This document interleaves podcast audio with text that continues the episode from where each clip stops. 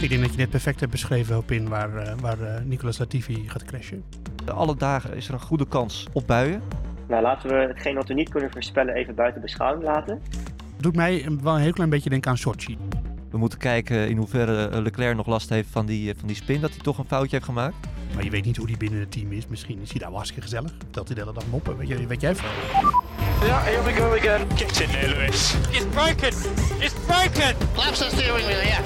Yes, boys, come on. Yes. Oh, this feels good. This feels really good. Welkom bij aflevering 10 van het vijfde seizoen van De Bordradio, de Formule 1 podcast van u.nl. Waarin wij gaan vooruitblikken op de Grand Prix van Miami. Ja, dat gaat uh, een ongelooflijk spektakel worden. En die, en die Grand Prix gaan we vooruitblikken met het vaste team van De Bordradio. Met Joost Nederpelt natuurlijk. Hallo. Hallo. Met Patrick Moeken, allebei vanuit Hoofddorp daar. Ja, ja goedemiddag. Ja, wie er ook weer bij is, is natuurlijk Hopin Toen. Hopin Toen, gewoon vanuit Nederland. Zeker, dit keer gewoon vanuit Nederland, Amsterdam. Goedemiddag. Kijk eens, we zitten eigenlijk allemaal wat dicht bij elkaar. Uh, mijn naam is Bas Scharwachter. Uh, ik zit niet in de studio van Hoofddorp, maar op een vakantiehuisje. Zo hebben we weer drie locaties. Uh, ik zie Boek alweer lachen. ja, dat typisch. Zijn we allemaal een keertje in Nederland. Dan zit er een in een vakantiehuisje, dan er... ja, nee, het is, ja. het is, toch vrij moeilijk om allemaal bij elkaar te komen in een, in een normale studio, zo blijkt. Ik denk dat Bas geïnspireerd is door mijn campingtrip van een paar weken geleden. Ja, ja die denkt dat kan ik beter ja. misschien wel. nou, ik hoor geen Dat dacht ik ook al. Nee dat, nee, dat is al waar. Nee, ik moest ook wel lachen. Maar we gaan in ieder geval wel lekker vooruitblikken op de Grand Prix van Miami. Uh, Spiksplint een nieuwe Grand Prix. En uh, Moeke, loop jij nou een beetje warm voor zo eentje? Nou, eigenlijk wel. Ja. Ik, uh, ik, ik zag wel een, ook toch, er is een hoop negativiteit, merk ik toch, op de sociale kanalen. Er wordt een hoop afgegeven ook. Ja, het, gaan we naar Miami en moet dat nou? En het is allemaal weer nieuw en het is misschien te Amerikaans. Uh, maar ik heb er eigenlijk wel zin in. Ik vind het een, een leuke baan voor zover ik dat nu al kan uh, beoordelen. Het is toch even wat nieuws. Het is daarmee ook onvoorspelbaar. Uh, ja, kom erop. Ik heb er zin in. Ja, hoop in. Zou je als coureur ja, lekker warm lopen voor zo'n Grand Prix? Ja, ik heb een beetje foto's bekeken van de layout. En het ziet er best wel spectaculair uit. Het is niet een typisch ja. straatcircuit in die zin dat het, ja, dat het geen mogelijkheden biedt, denk ik, om in te halen. Vele langrechte stukken. Wat ook mooi is, sommige plekken zijn relatief smal, andere stukken zijn eigenlijk heel breed. Um, veel blinde bochten ook, viel me op. Um, vrij vlak, maar toch ook weer wat hoogteverschil her en der. Uh, een van de dingen die vooral die me opvielen was eigenlijk ja, die, die, die chicane bij, um, is het bocht 13 uit mijn hoofd? Nee, 14, sorry, 14. ja, er, er, zijn best wel wat uh, gave stukjes in. Terug te wat Patrick zei, ik denk dat veel negativiteit online wordt, er wordt natuurlijk echt de draak gestoken met die uh, namaakhaven. Hè, dat is eigenlijk waar het meeste uh, over geschreven wordt. Maar voor de rest ziet het er best wel gaaf uit. Rondom dat stadion daar en zo. Dat is echt wel toch een beetje de achtergrond die Formule 1 ook nodig heeft, denk ik.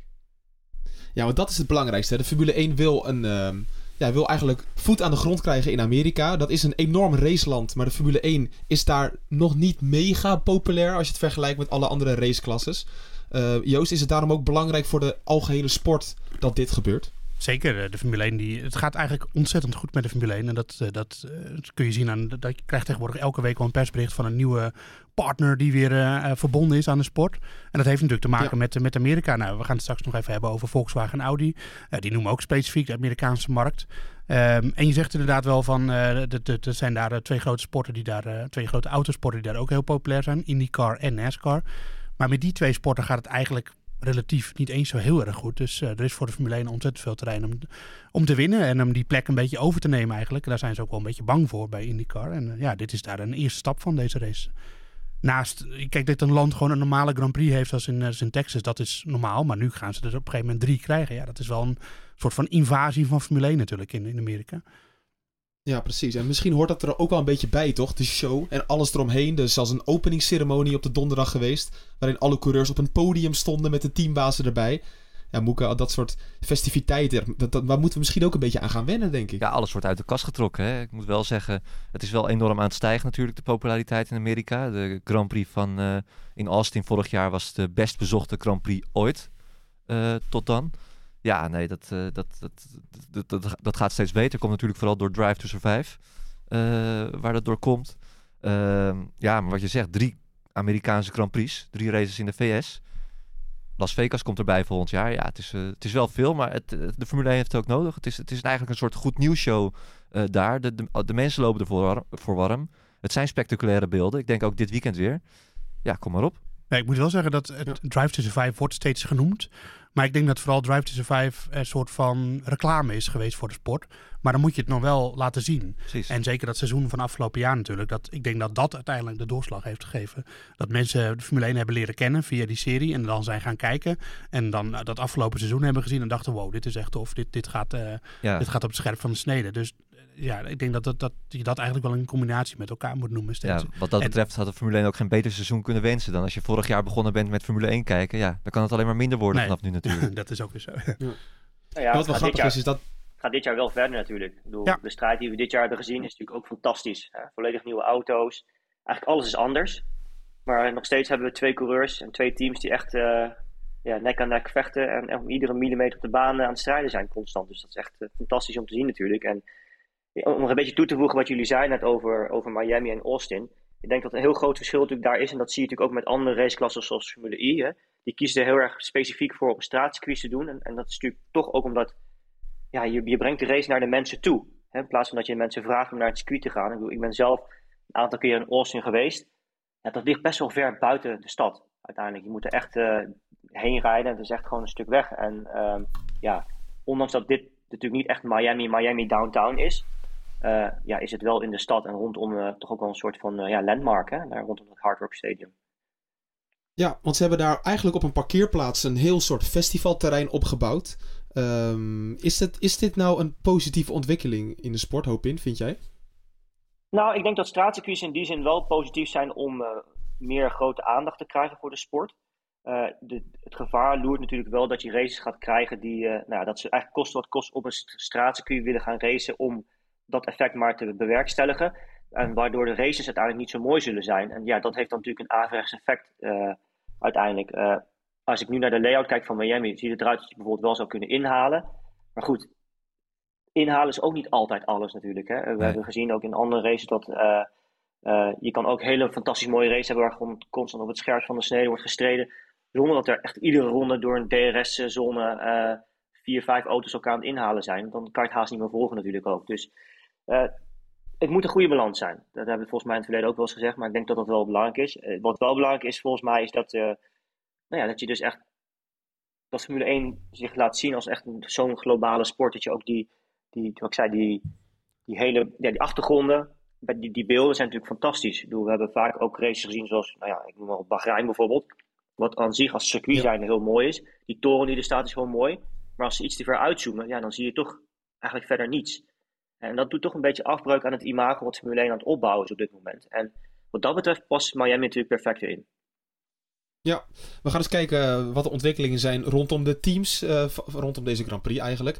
Uh, Joost, kijk ik even naar jou, want Ferrari zou weer met updates komen voor het eerst eigenlijk dit seizoen, maar toch ook weer niet. Hoe zit dat nou eigenlijk? Nou, um, nee, er komt in ieder geval geen grote update. Dat, dat hadden ze al een beetje door laten schemeren. Dat ze daarmee waarschijnlijk wachten tot Barcelona. Omdat het natuurlijk ook gewoon... Barcelona is een heel goed referentiekader voor, uh, voor die auto. En daar hebben ze natuurlijk al getest dit seizoen met die auto. Dus dat kunnen ze dan lekker over elkaar heen leggen. Ook al zijn de omstandigheden natuurlijk anders. Um, ja, ja, Ik, heb, ik zag wel uh, wat beelden van... Uh, er was ook een bandentest na de Grand Prix in Emilia-Romagna, op Imola. waar meerdere teams aan meededen, waaronder Ferrari. En die hebben wel wat getest met de vloer. Uh, een soort van uh, ja, skid is dat. Dat is een soort van titanium blokjes die onder de vloer zitten om te zorgen dat de vloer, zodra die over de grond schraapt, dat die dan niet zelf beschadigt, maar dat die skidblok zeg maar geraakt worden. Daar komen die vonken van die je altijd op tv ziet, zeker in nachtraces. Maar dat, ook heel, dat, dat zou misschien helpen met, tegen het porpoising, waar zij veel last van hebben. En dat hebben ze dan afgekeken van Red Bull. Red, want tijdens de Grand Prix in Imola toen hebben de monteurs van Red Bull per ongeluk of op een on, onver, ja, zeg maar op een on, hoe noem je zoiets? Een uh, onverhoed ogenblik hebben ze eventjes de vloer laten zien aan een paar fotografen. En dan zag je van die titanium strips, maar die, gaat, die zijn best wel lang en er zitten allemaal gaatjes in. Oh ja. En die zouden dan, dat zou een deel van ervoor zorgen dat die vloer niet te snel uh, helemaal de bodem raakt, waardoor dat porpoising optreedt. En dat zou misschien, maar het is allemaal zou, zou, zou en misschien. En uh, de reden zijn waarom de Red Bull minder last heeft van porpoising dan de andere teams. En Ferrari zou dat dan nu al gekopieerd hebben. Dat is een beetje het verhaal.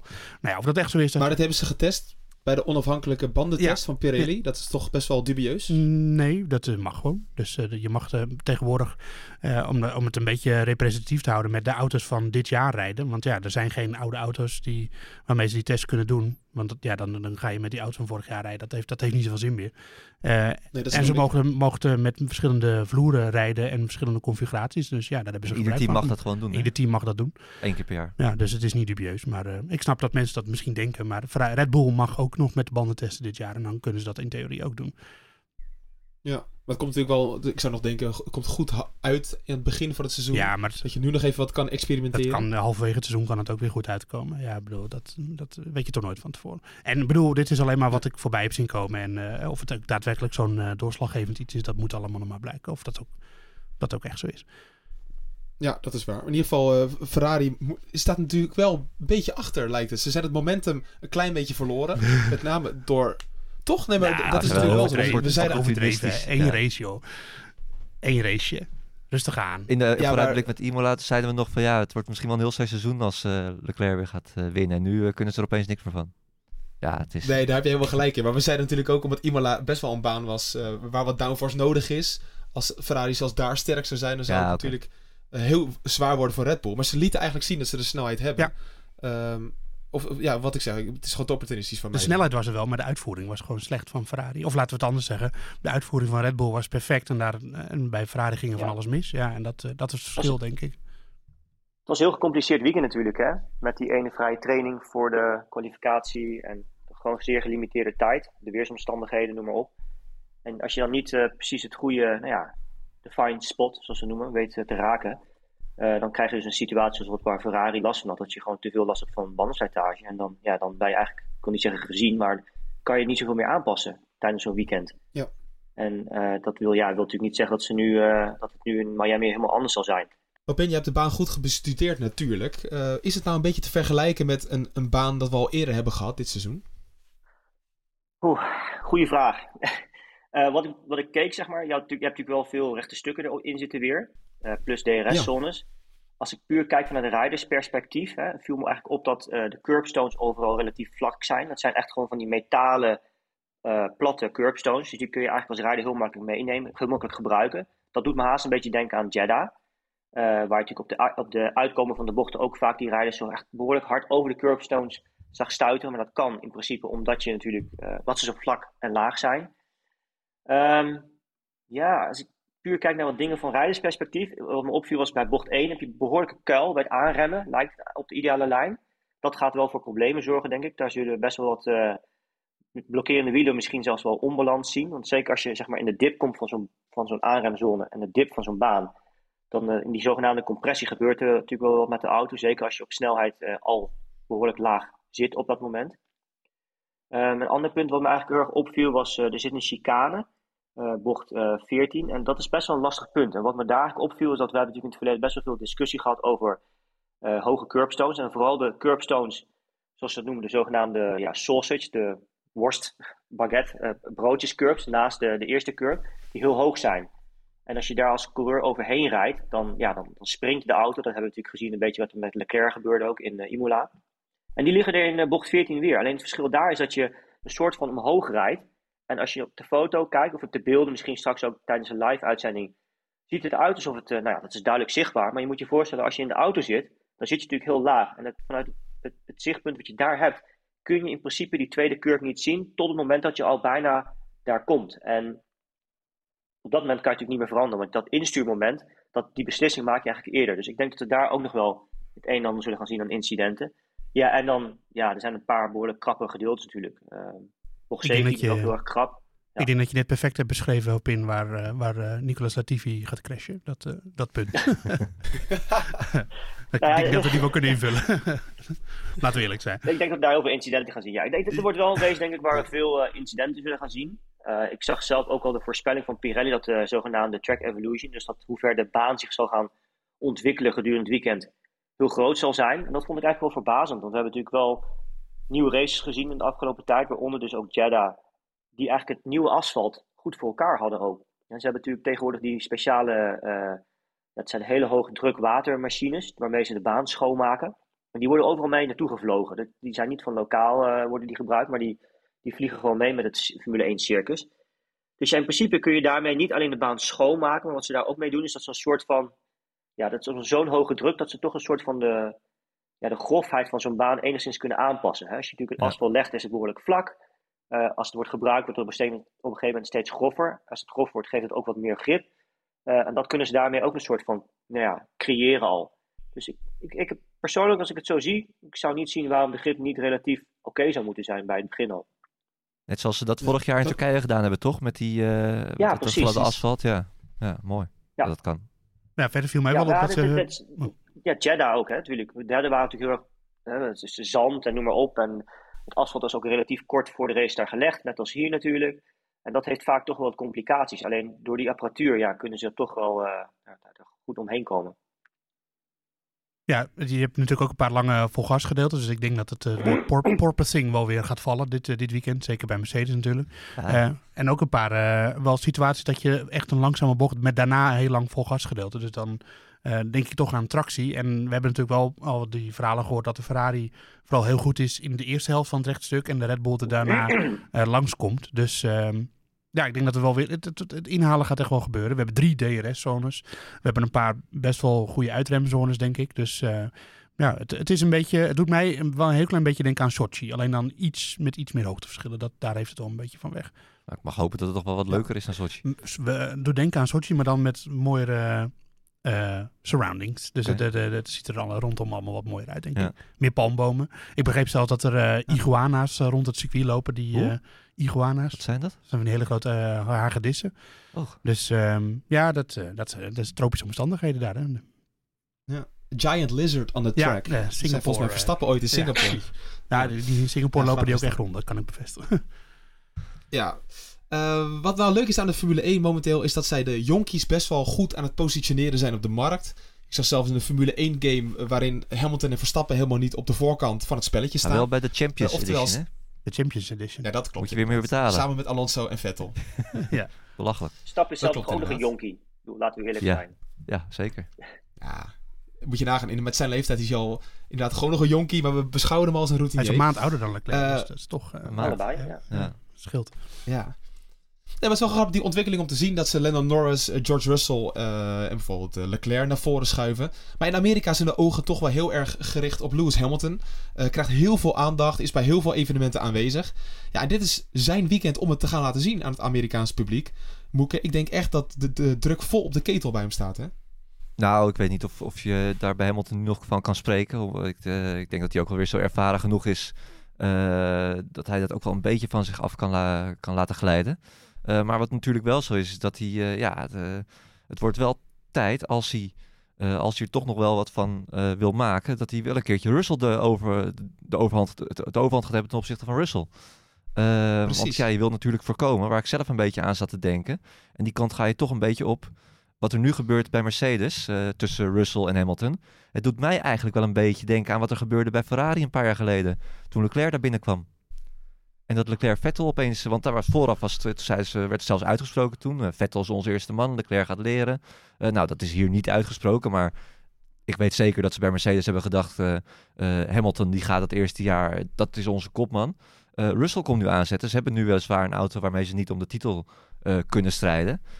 Maar in de eerste paar races moeten we gewoon concluderen. Russell heeft de overhand ten opzichte van Hamilton. En dat is in de kwalificatie zo en in de race zo. Mag ik even een paar... Dat beeld wil ik wel een klein beetje nuanceren. hoor. Want eh, Een paar nuances. Gaan we. Ja, kijk, eh, in Imola eh, was de start denk ik heel cruciaal. We hebben het daar vorige podcast over gehad. Wie aan de goede kant en aan de verkeerde kant stond. Russell, dat was zo. Ja, ja, nee, Dat- je geeft nu in een Nee, maar hij alsof dat stond, niet, niet hij, wist. daar stond hij wel weer achter. Nee, dat klopt. Maar eh, Russell had een hele goede start. Die ging een paar mensen voorbij. Dat deed hij heel goed. En die, die, eh, die eh, bleef daar vervolgens rijden. En Hamilton stond aan de verkeerde kant. Die had een slechte start. Die kwam achter in een DRS-treintje. Die kwam er niet meer voorbij. Bepaalde zijn race. Dus dat versterkt het beeld wel heel erg natuurlijk. Dat hij, dat hij het heel slecht deed. Eh, en in Australië kwam natuurlijk Russell. Had natuurlijk gewoon geluk met hoe de, de, die virtual safety car uitkwam. Daardoor ging hij Hamilton voorbij. Ik bedoel, dat zijn wel van die momenten in een, in een race die bepalend zijn voor hoe, het, hoe de beeldvorming ontstaat. Uh, en, en, ik begreep ook wel dat ze bij Mercedes een soort verdeling hebben. Uh, dat de experimenten, de experimenten zeg maar, aan de auto, dat die plaatsvinden aan de auto van Hamilton. Dus dat ze daar wat meer gokken nemen om uit dit dal te komen. En dat is natuurlijk iets wat je sowieso zag in Jeddah, hè, waar hij met een hele andere achtervleugel reed dan, dan, dan Russell.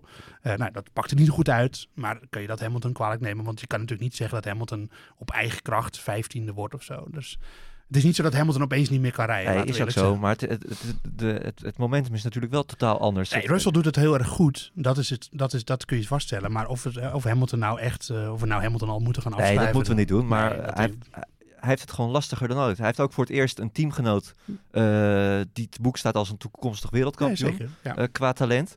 Uh, wat ook anders is dan in, al, uh, in alle voorgaande jaren is dat Russell, die wordt natuurlijk gesteund door Toto Wolff. Uh, de teambaas. Het is voor Mercedes van heel groot belang dat Russell het gewoon goed gaat doen in die auto. ja, het is, toch, het is toch een beetje anders. Eigenlijk is, je had ook vroeger had je Alonso en Hamilton. Het was het een beetje omgedraaid. Ja. In zijn debuutjaar bij McLaren kwam, kwam Hamilton als nou, jong broekie kwam hij naast de wereldkampioen Alonso te staan. Toen had hij geen druk. Het, het is nu eigenlijk een beetje omgekeerd. Dat, dat Ja, Hamilton dat de gr- grote man is en dat Russell eh, niks te verliezen heeft.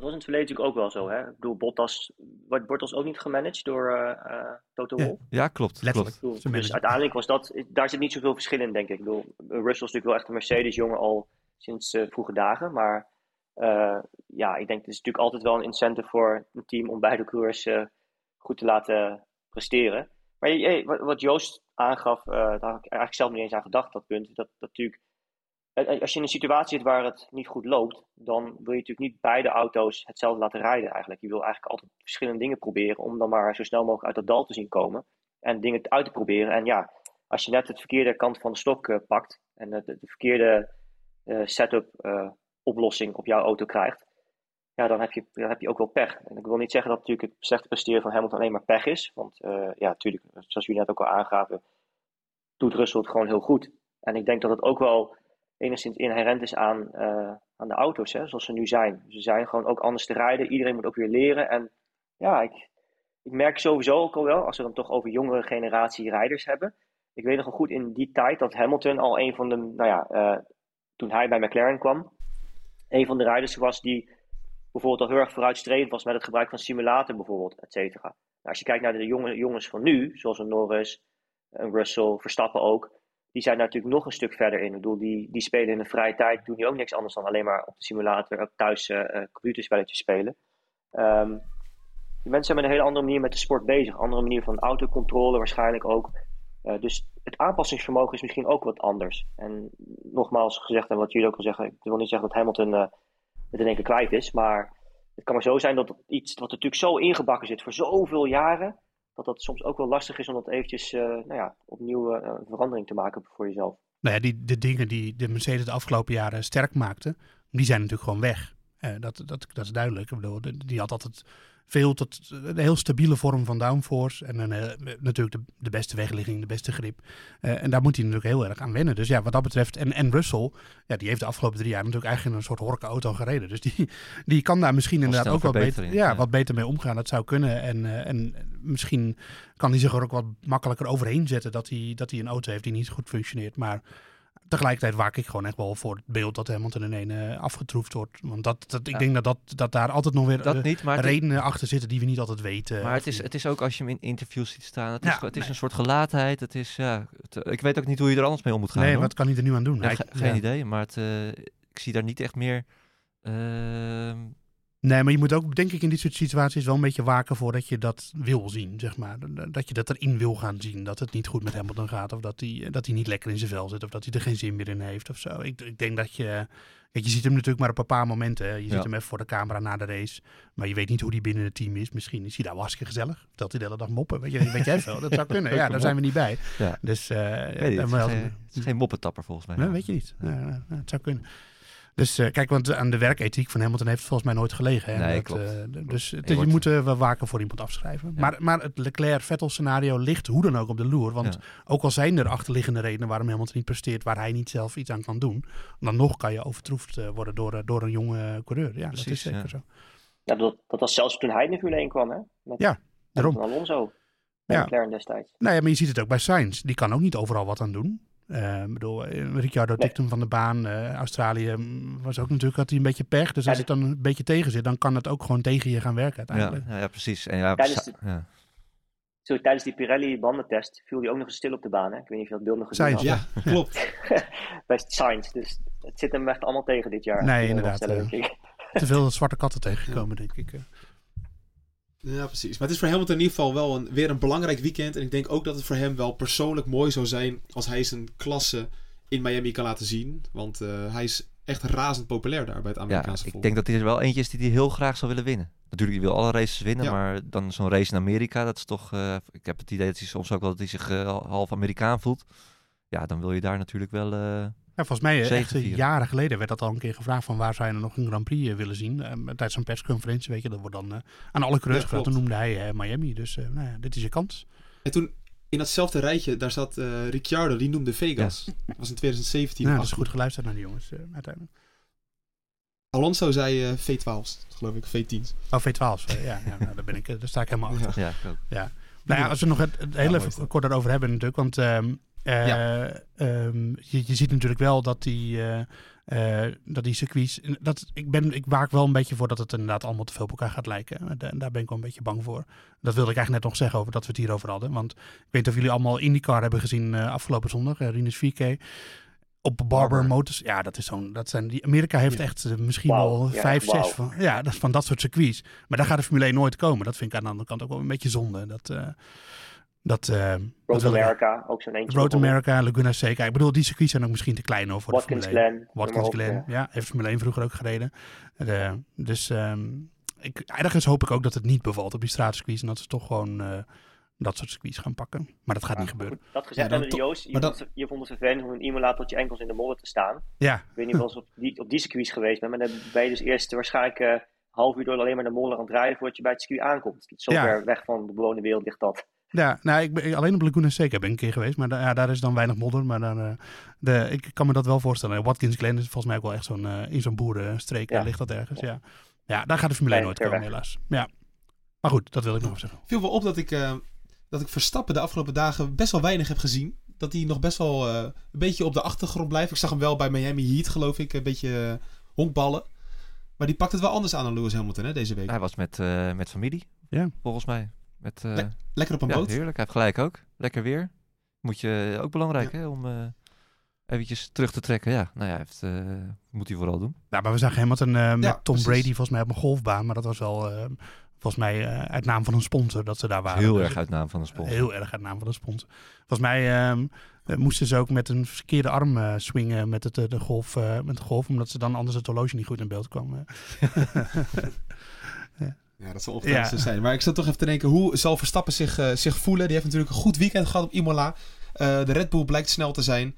En dan zie je gewoon weer dat hij levert. Eh, ja, in hoeverre zal die... Ja, dat is een beetje, een beetje een cliché eigenlijk. In hoeverre zal hij lekker in zijn vel zitten moeken? Wat denk je? Nou, dat, dat zeiden we toen na Imola al. Die eh, overwinning had hij absoluut even nodig. Zei hij zelf ook trouwens. Ja. En eh, ja, dan eh, ook een eh, cliché. Maar dan ga je natuurlijk wel met een lekker gevoel naar de volgende race. Zo is het natuurlijk ook Ja. alweer. Nee, maar het, het, het, het is eigenlijk een fantastisch kampioenschap. Want Verstappen heeft, we kunnen wel zeggen, ook weer een beetje momentum. We moeten kijken in hoeverre Ja. Leclerc nog last heeft van die, van die spin. Dat hij toch een foutje heeft gemaakt. Maar Leclerc heeft natuurlijk nog wel een, gewoon een giga voorsprong in het kampioenschap. Want als je een Grand Prix zege voorsprong hebt, ja, dat is gewoon hartstikke veel. Dus dat moet hij eerst nog maar zien te dichten. En dat maakt het eigenlijk wel leuk. 27 Ja, punten. precies. Nou ja, maar dat maakt het eigenlijk wel leuk. Maar toch denk ik dat de druk op Leclerc Ja. wel een beetje is toegenomen hoor. Ja, ja precies, zeker. En eh, Verstappen die zit natuurlijk, als je even dat puntengat moet je niet wegrekenen, maar hij zit eigenlijk nu in een lekkere positie natuurlijk. Want Leclerc die heeft dit, dit weekend denk ik heel erg de druk op zich dat hij nu moet presteren. Eh, hij ziet de concurrentie dichterbij komen of er zelfs langskomen. Uh, je weet niet wanneer Mercedes zich mm, toch nog wel of niet vooraan gaat melden. Dat kan altijd nog gebeuren. Dus ik heb toch het idee dat hij nu moet oogsten. Want hij heeft nu de auto natuurlijk om waarmee hij kan winnen. En ja, het is behoorlijk fout gegaan. Dus eh, die, de druk zal er toch wel zijn bij, bij Leclerc denk ik dit weekend. En eh, ehm, ja, ben benieuwd. En bij Sainz natuurlijk ook. Dus bij Ferrari, die, die, er zat natuurlijk een hele relaxe schwung overheen. Tot aan Imola. Dat is nu weg. Dat, Ja. ja. ja, nu moet er gewoon gepresteerd worden, echt. En eh, die druk is terug. Wat, wat ook altijd De druk is leuk is aan die nieuwe circuits, en dat, dat valt me altijd op, die eerste vrije training, eh, dat je dan altijd wel meteen even ziet, dan zie je eh, dat ook Verstappen, Leclerc, Eh, maar ik weet zeker, Verstappen die staat, die, die is heel snel op tempo altijd. Dat zag je in Jeddah. Eh, hij is een keertje, toen we voor het eerst naar Mexico, Mexico gingen in de Toro Rosso, was hij opeens het allersnelst. Ja. In de eerste vrije training. Eh, hij heeft ja, toch even dat gevoel dat er komen toch de echte talenten komen weer bovendrijven. Dus ook, Ja. wanneer is het? Vrijdag gaan we voor het eerst trainen? Ja, half negen pas. Ja, half negen s'avonds pas, ja. Nee, na een half uurtje staat Verstappen bovenaan. Let maar op. Dat weet ik zeker. Nou, Die gaan we onthouden, Moeke. Ja, die gaan we even ja. opschrijven. We zagen in Imola ook dat eh, de rijderskwaliteiten naar boven komen als het gaat regenen. Ehm, normaal zou je denken, ja, Miami is een weerbericht eigenlijk overbodig. Maar Moeke, jij hebt toch even weer je contacten aangesproken. Zeker. Hoe zit dat nou, Nou, eigenlijk dat- daar? ik, heb, ik heb helemaal, ik heb echt een, eh, ik heb een soort eh, hoorcollege gekregen van onze vrienden van Weerplaza. En dan ga ik even kijken. het orakel tegenover mij, Joost Nederpelt, die weet altijd alles. Ja. Dus een leuke quizvraag. Als jullie het ook weten, mogen jullie het ook zeggen. Maar eh, weerkundig gezien, hè, op, op, op weergebied, weerkundig gezien. Ja. Wat maakt Miami dan uniek in de Verenigde Staten? Ehm, nou, het is niet het meest zuidelijke puntje van de Verenigde Staten, want dat zit volgens mij het zuiden van Texas. klimaattechnisch. Wat ja, is- klimaattechnisch. Nou ja, Ja, is, het, is niet de zomer daar de winter en nee, de nee, winter nee, dat- nee. Ga je, ga je school, Door orkanen ga je schoolgeld terughalen. Ja, dat ligt niet onder de evenaar. Eh, nee, het is een subtropisch klimaat in ieder geval. Ja, ja, dat, Ja. dat is inderdaad. Het, eh, Miami is de enige regio in de Verenigde Staten waar eh, sprake is van een tropisch klimaat. Ja, precies. En dat betekent dus ook dat je van die... eh, van die eh, het is het niet nu tornado season? Nee, dat is nee, niet dat nu. niet. Maar Nee, het is wel het, eh, het, natte seizoen. natte seizoen. Dus eh, het regenseizoen. Dat horen we graag. ja, zeker. Ehm, maar het wordt dus bloedheet. Echt eh, 32 tot 33 graden. Eh, en daar, de gevoelstemperatuur is nog veel hoger, omdat het dus in een stad ligt. Mhm. Dus dat loopt echt tegen de 40 graden. Het wordt, eh, heb ik ook nog niet veel over gehoord, maar het zou best wel eens gewoon een behoorlijke uitputtingsslag kunnen worden ook voor de coureurs. Beetje Singapore-achtig. Nou ja, eh, ja, precies. Maleisië ook. Wat Alleen dan je overdag natuurlijk. Ja. Ja. Ehm, ja. Singapore zeker. Ja, ja. Dat, dit is, sorry dat ik onderbreek, maar dat, dat vergelijk met Singapore is heel, heel, heel goed hier. Omdat je, als je natuurlijk zulke hoge temperatuur hebt op een straatski hebt, heb je A natuurlijk relatief beperkte wind. En B, omdat je echt op alle plekken en overal omringd bent door beton. Ja. Dat beton houdt die hitte heel erg vast. Dus ik weet nog wel heel goed toen ik zelf ook in Singapore racete. Al was het echt gewoon ja, middernacht dus, bij wijze van spreken. Het is nog steeds bloedheet, omdat gewoon echt alles om je heen die hitte constant straalt ook. Ja. Dus dat Die- zul je daar waarschijnlijk ook voelen. Die stad is ontworpen om te zweten. En dat, ik denk dat dat geldt ook eh, voor Miami. Ja, dat zal wel.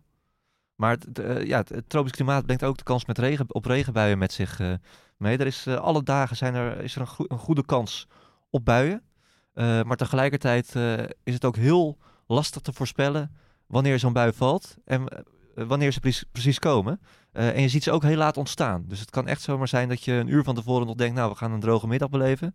Maar dat het eh, op het allerlaatste moment dat er een buitje ontstaat en dat het dan toch eh, met bakken uit de hemel komt. Want het kan daar echt eh, hard regenen met eh, onweersbuien aan toe. Ja, maar dan is het gelijk, regent het zo hard dat we niet kunnen rijden. Die kans is ook wel weer groot, ja. ja, ja. Ja, dat is meteen code rood of safety car. ja. Ik denk ook niet dat ze daar risico gaan nemen op zo'n straatcircuit met eh Nee. Dus, de Nou, het, moeilijke is vaak ook natuurlijk dat je, zeker als het een nieuw circuit zoals hier, eh, en als het heel erg vlak is ook en dergelijke, dan, dan weet je ook niet zo goed waar water blijft staan. En hoe de eh, afvoer van water is. En als ik zeg maar naar de foto's keek, ook va- vaak zie je wat op straatskis, dat een soort van, toch een soort van kroon zit hè, in het midden. Dat je dus midden van, van, van het wegdek van de baan, dat je toch dat soort van afloopt naar de zijkanten. Dat leek mij niet echt het geval hier ook. Dus ik, ik ben benieuwd of het, eh, ja, hoe dat zal zijn als het eh, inderdaad gaat regenen, waar de plassen ontstaan en noem maar op. Nou, dat water dat kan allemaal naar dat meertje lopen natuurlijk, eh, waar die boten liggen. Ja, precies. Ruimte zat. Dan drijven die boten de Ja. baan op. Dat zou eh, zeer interessant zijn. Ehm, zullen we eens kijken of we, we gaan aan een voorspelling beginnen. We hebben het er al even over gehad wie de favorieten zijn. Maar we gaan ook eens kijken wie we moeten invullen in het NuSport GP-spel. Want het wordt natuurlijk weer eh, de vraag wie er gaat winnen. We hadden eh, al een klein beetje de voorspelling al gehoord van jullie. Maar eh Moeke, als ik met jou mag beginnen. Wat zou jij invullen? ik, ik zou voor een, weer voor een Red Bull zegen gaan. Ik denk dat de combinatie nieuw circuit, plus dat op, papier met die lange rechte stukken. Ja, ik geloof wel dat die Red Bull hier goed uit de voeten kan, kan komen. Het wordt natuurlijk ook wel weer warmer. Dat wordt ook interessant eh, hoe, dat- hoe zich dat gaat eh, eh, ontvouwen. Het is, eh, we hebben die woestijnraces gehad, maar daar was het toch niet zo warm als dat het nu dit weekend gaat zijn. Ehm, ja, ik denk dat Verstappen gaat winnen. En ik denk wel dat Leclerc de makkelijk eh, tweede wordt. Of makkelijk, eh, eh, makkelijke voorspelling. Dat Leclerc tweede gaat worden. En eh Perez completeert het podium. Zit goed in zijn vel. Joost? Ja, ik denk eh, dat, het, ehm, dat Ferrari en Red Bull wel weer aan elkaar gewaagd zijn. Maar ik, ik reken op een eh, verrassende winnaar. Oeh. Ja, ik denk namelijk, ik reken wel op chaos. Eigenlijk safety cars, rode vlag, regenbui. Ehm, en dan gaat Alonso winnen. Alonso? Ja, dat is mijn voorspelling. Geweldig. in in Amerika. Amerika. Dat, dan gaat het, staat Ja, het Alonso die heeft al zoveel pech gehad dit, eh, dit seizoen. Dat, nu komt het allemaal samen en nu, eh, nu gaat hij winnen. Niet op, niet op eh, snelheid, maar gewoon omdat dit eh, de juiste keuze is. Misschien crasht teamgenoot wel in de muur, weet jij veel. Zoiets. Ho- Hopin, ga jij voor realisme of voor, voor, eh, voor een fantasie? Nou, laten we hetgeen wat we niet kunnen voorspellen even buiten beschouwing laten. En ik denk als we, Ja, kijken, naar, als we kijken naar... Ik, ik denk dat we dit weekend misschien een, een beeld zullen gaan zien waar je in de kwalificatie, in de race, een, ander, een, andere, eh, een andere auto zult zien die, die sterk is. Ik denk dat persoonlijk over een ronde gezien Ferrari waarschijnlijk eh, de sterkere auto zal hebben. Maar als je puur naar de race zal kijken op zondag, dan eh, denk ik dat eh, eh, Red Bull, Verstappen waarschijnlijk, met de overwinning er vandoor zal gaan. Omdat gewoon puur qua racen die auto op dit circuit waarschijnlijk iets beter tot zijn recht zal komen. Met de rechte stukken, met hoe de layout ligt. En ook het feit dat je dus met strategie en dergelijke iets creatief kunt zijn. En je daarmee ook in de positie kunt brengen om dat te kunnen doen. Beetje Jeddah Dus denk, ja. Ja. Ja, soort van. Ja. Ik Ja. denk over een ronde dat Ferrari nog steeds wel de betere auto heeft. Maar qua race is, ja, is, is de auto van Red Bull gewoon wat handiger om te hebben. Laten we het zo stellen. Interessant. Wil ik alleen nog aan toevoegen dat eh, Carlos Sainz eh, op het podium terecht gaat Hm. komen. Die heeft zoveel pech gehad, terwijl hij gewoon hartstikke snel is. Heeft een goede auto. Als Ricciardo gewoon van hem afblijft, dan eh, komt hij op het Ja. podium. Ja, we gaan het zien allemaal. Eh, dat allemaal, je had het over Red Bull natuurlijk. Ehm, dat noemen we nu nog even Red Bull, Ja. hè Joost? Want nog even en die naam gaat veranderen. Althans, er komt nou, iets bij. de kans wordt wel eh, heel groot. Hoe het er precies uit gaat zien, eh, dat, eh, dat weten we nog niet. Maar een per wanneer, laten we uitgaan van vanaf 2026. Maar dat het Red Bull Porsche wordt of Porsche Red Bull of iets in die, in die trant. Dat, dat, ja, dat, die kans is wel enorm toegenomen de afgelopen week. Het is niet zo dat de hele naam Red Bull Nou, verdwijnt. dat hè? Daar weten we waren gewoon ook gewoon niet. Dat, eh, bedoel, die gesprekken lopen duidelijk. Ehm, de, de, de, de, de baas der bazen van Volkswagen, eh, die eh, heeft deze week eh, een toespraak gehouden. Of tenminste een, een Q&A met de bewoners van Wolfsburg. Eh, voor de kenners die weten dat de, fabriek van Volkswagen, die zijn vooral gevestigd in Wolfsburg. En die had het over, de, nou, in ieder geval dat de, plannen lopen. Dat beide, eh, zowel Porsche als Audi, met hun mo- motor al zijn begonnen. Eh, wat ik interessant vond, want eh, het lijkt me toch sterk dat het Red Bull motorenproject wat ze al eh, opgetuigd hebben, eh, dat dat helemaal van tafel gaat. Dus of, of die dan dat bedoelde, of dat Audi ehm, dan echt los met een eigen motor gaat beginnen. Want er gaat ook alweer een verhaal dat Porsche een paar jaar terug al is begonnen met een hybride motor en dat Audi dat project nu heeft overgenomen. Ehm Afijn, er daar zijn allemaal nog eh, vragen die allemaal nog onbeantwoord zijn. Maar wat wel beantwoord is dat beide merken in de Formule 1 komen. Ehm, dat Red Bull Porsche, dat dat een bijna een beklonken eh, verhaal eh, lijkt te zijn. En dat, eh, dat Audi natuurlijk eh, op zoek is naar een team om over te nemen. Of in ieder geval om in te stappen. Eh, Sauber, Aston Martin en McLaren worden daarbij genoemd. McLaren gaat het steeds minder over eigenlijk. Ik denk dat, dat Sauber op dit moment de grootste gegadigde is om over te nemen. Dat lijkt me ook het meest logische om te doen. De enige vraag is wat de huidige eigenaren van Sauber daarvan vinden. en of Alfa Romeo zich zo laat wegsturen eigenlijk. Want die zijn natuurlijk alleen maar sponsor van Sauber. Ehm, over dat Alfa Romeo zelf ook graag de Formule 1 in wil. Lijkt me niet. Zoveel auto's verkopen ze niet. dus eh, ja, er zijn allemaal nog heel veel vragen. Maar eh, het is gewoon heel goed nieuws voor de Formule 1. Die twee merken die komen er gewoon bij. Eh, niet als los team. Dat zie ik niet gebeuren. Er zijn tien teams. Daar is iedereen heel erg blij mee. Met die verhouding zoals die nu is. Volgens mij commercieel kunnen ze het oprekken tot 12 teams. Dat zou in theorie kunnen. Maar je hebt zelf in Imola gezien eh, hoe weinig ruimte er is in de paddock voor al die motorhomes. Dus eh, Ja, ja, dat, precies. dat levert allemaal problemen op. En eh er is natuurlijk ook zoiets als de verdeling van het prijzengeld, wat nu allemaal is afgesproken. En als je er een en twee teams bij krijgt, ja, dan wordt dat, moet dat allemaal weer opnieuw geregeld worden. Ehm, puntenverdeling, et cetera. Dus dat scenario is gewoon niet zo heel, ehm, heel ehm, kansrijk dat, er- dat, dat er een eigen team komt van Audi of Porsche. Dus dit, ja, ze komen erbij en dan Porsche, Red Bull en eh, Audi Sauber, denk ik. Zal Wel grappig wat je zegt over die motorhomes in Imola. Het is inderdaad zo vol dat... eh, ik, ik kom niet heel vaak in de paddock, dus misschien is dit heel normaal. Eh, maar dat, de, dat Mercedes helemaal om het hoekje ver weg stond gestopt. Omdat het gewoon niet meer Ja, paste. en Op het rechte In Zandvoort had je er zelfs twee. Want eh, het was, eh, was half opgedeeld was dat gewoon helemaal. Ja, en dan is het nu nog eens nog Oh, zo ja. dat, dat Mercedes nog de kleine, kleine motorhome mee had naar Imola. Omdat ze nu de pers en zo nog niet in binnen, welkom is in, binnen de motorhomes. Eh, maar die hebben er Ja. eentje die is ongeveer net zo groot als, nou niet net zo groot als van Red Bull, maar ze hebben ook een hele grote. En die, daar mocht je voor eh, corona, mocht je daar als pers altijd lekker eten op zaterdag, vrijdag, zaterdag en zondag. Mag nu niet meer, helaas. Eh, zeg ik met weemoed. Eh, maar die tijden komen alweer terug. Dus ja, dat, dat soort dingen, dat, daar moet je allemaal rekening mee houden. En eh, dus een, eigen team kost ook wel heel veel geld natuurlijk. Ehm, aan de andere kant is het natuurlijk nu wel veel aantrekkelijker geworden om de Formule 1 binnen te komen, omdat je die budget cap hebt. Ehm, dus, en, en, en dus de twee redenen. Je hebt die budget cap, dus je weet ongeveer wat je gaat uitgeven. 140, 150 miljoen per jaar. Dat is alleen het jaarbudget. Hè? Dan heb je nog geen fabriek, dan moet je nog een auto bouwen, et cetera, et cetera, et cetera. En eh, we zien natuurlijk, nou, wat ik eigenlijk in het begin al zei, dat je de ene na de andere sponsor komt binnen bij de Formule 1. McLaren kondigde dit weekend nog, of deze week nog een, een, of andere deal weer met een Bitcoin club aan.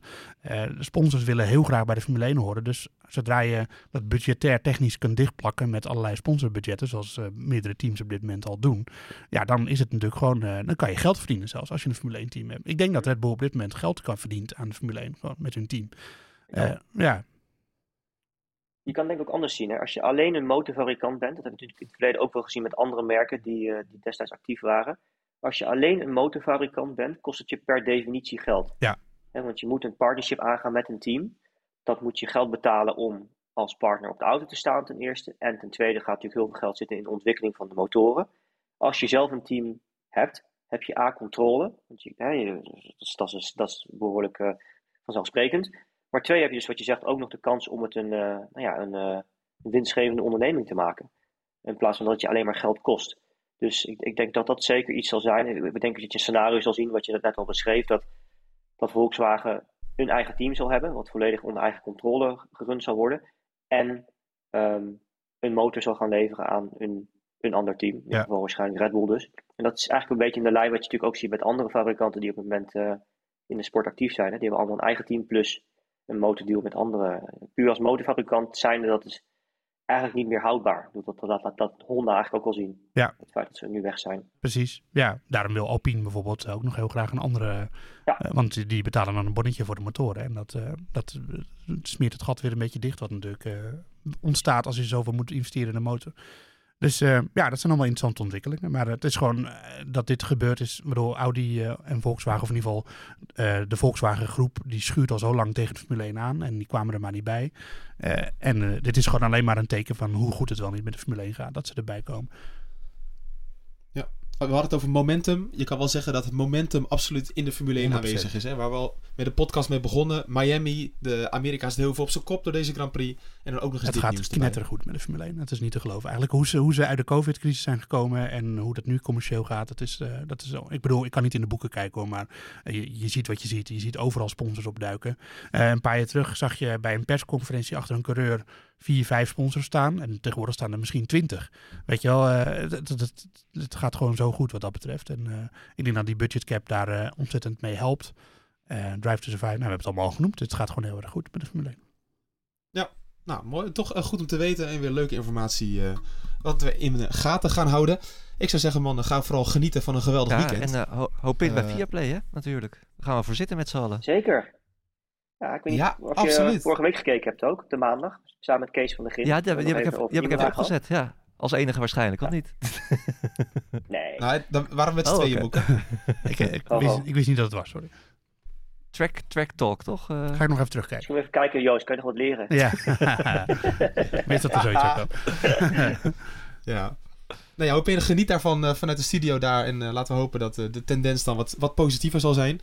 Eh, want de, kritiek is niet mals op Viaplay. Dus eh, we gaan het allemaal meemaken. Nee, Veel plezier is, daar. eh, weet je, ik denk dat het wat heel belangrijk is, en dat is hetgeen natuurlijk wat we hier in de podcast van de Bordradio ook doen, is dat we willen proberen om gewoon goede, correcte informatie te brengen in, in een taal die verstaanbaar is voor veel mensen. En ik vertel liever iets wat misschien, nou ja, ik, ik weet van mezelf ook wel, ik ben niet per se de meest, hoe zeg je dat, entertaining als ik zeg maar praat over, over zaken. Maar ik weet wel wat ik vertel, dat, ik iets, dat het iets is waar ik achter kan staan. Waarvan ik weet dat het, nou ja, tot, voor zover mijn kennis reikt, dat het klopt.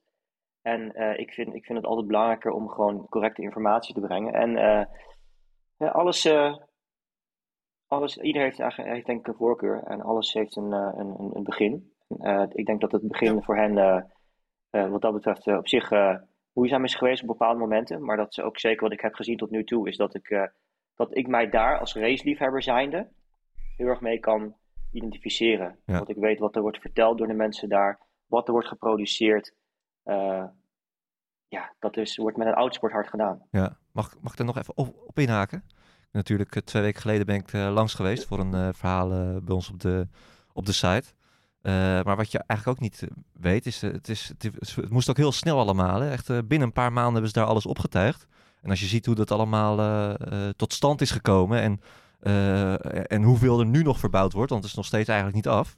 Ehm, nou, dan is het eigenlijk ook wel knap dat er überhaupt al uitzendingen zijn geweest, om het zo maar even te zeggen. En dat ziet de kijker natuurlijk ook niet. Ja, die ziet dat, dat zijn verbinding af en toe wegvallen. Dat is heel makkelijk roepen natuurlijk. Maar als je ziet uh, hoe hard er nog gewerkt wordt en hoe, hoe, hoe uh, nou ja, verbazingwekkend, laat ik het zo zeggen, het, het überhaupt is dat ze daar tv kunnen maken. het is allemaal nieuw, maar het is nog allemaal niet echt af. dan vind ik dat eigenlijk wel, ja, ook wel knap, om het zo maar even te zeggen.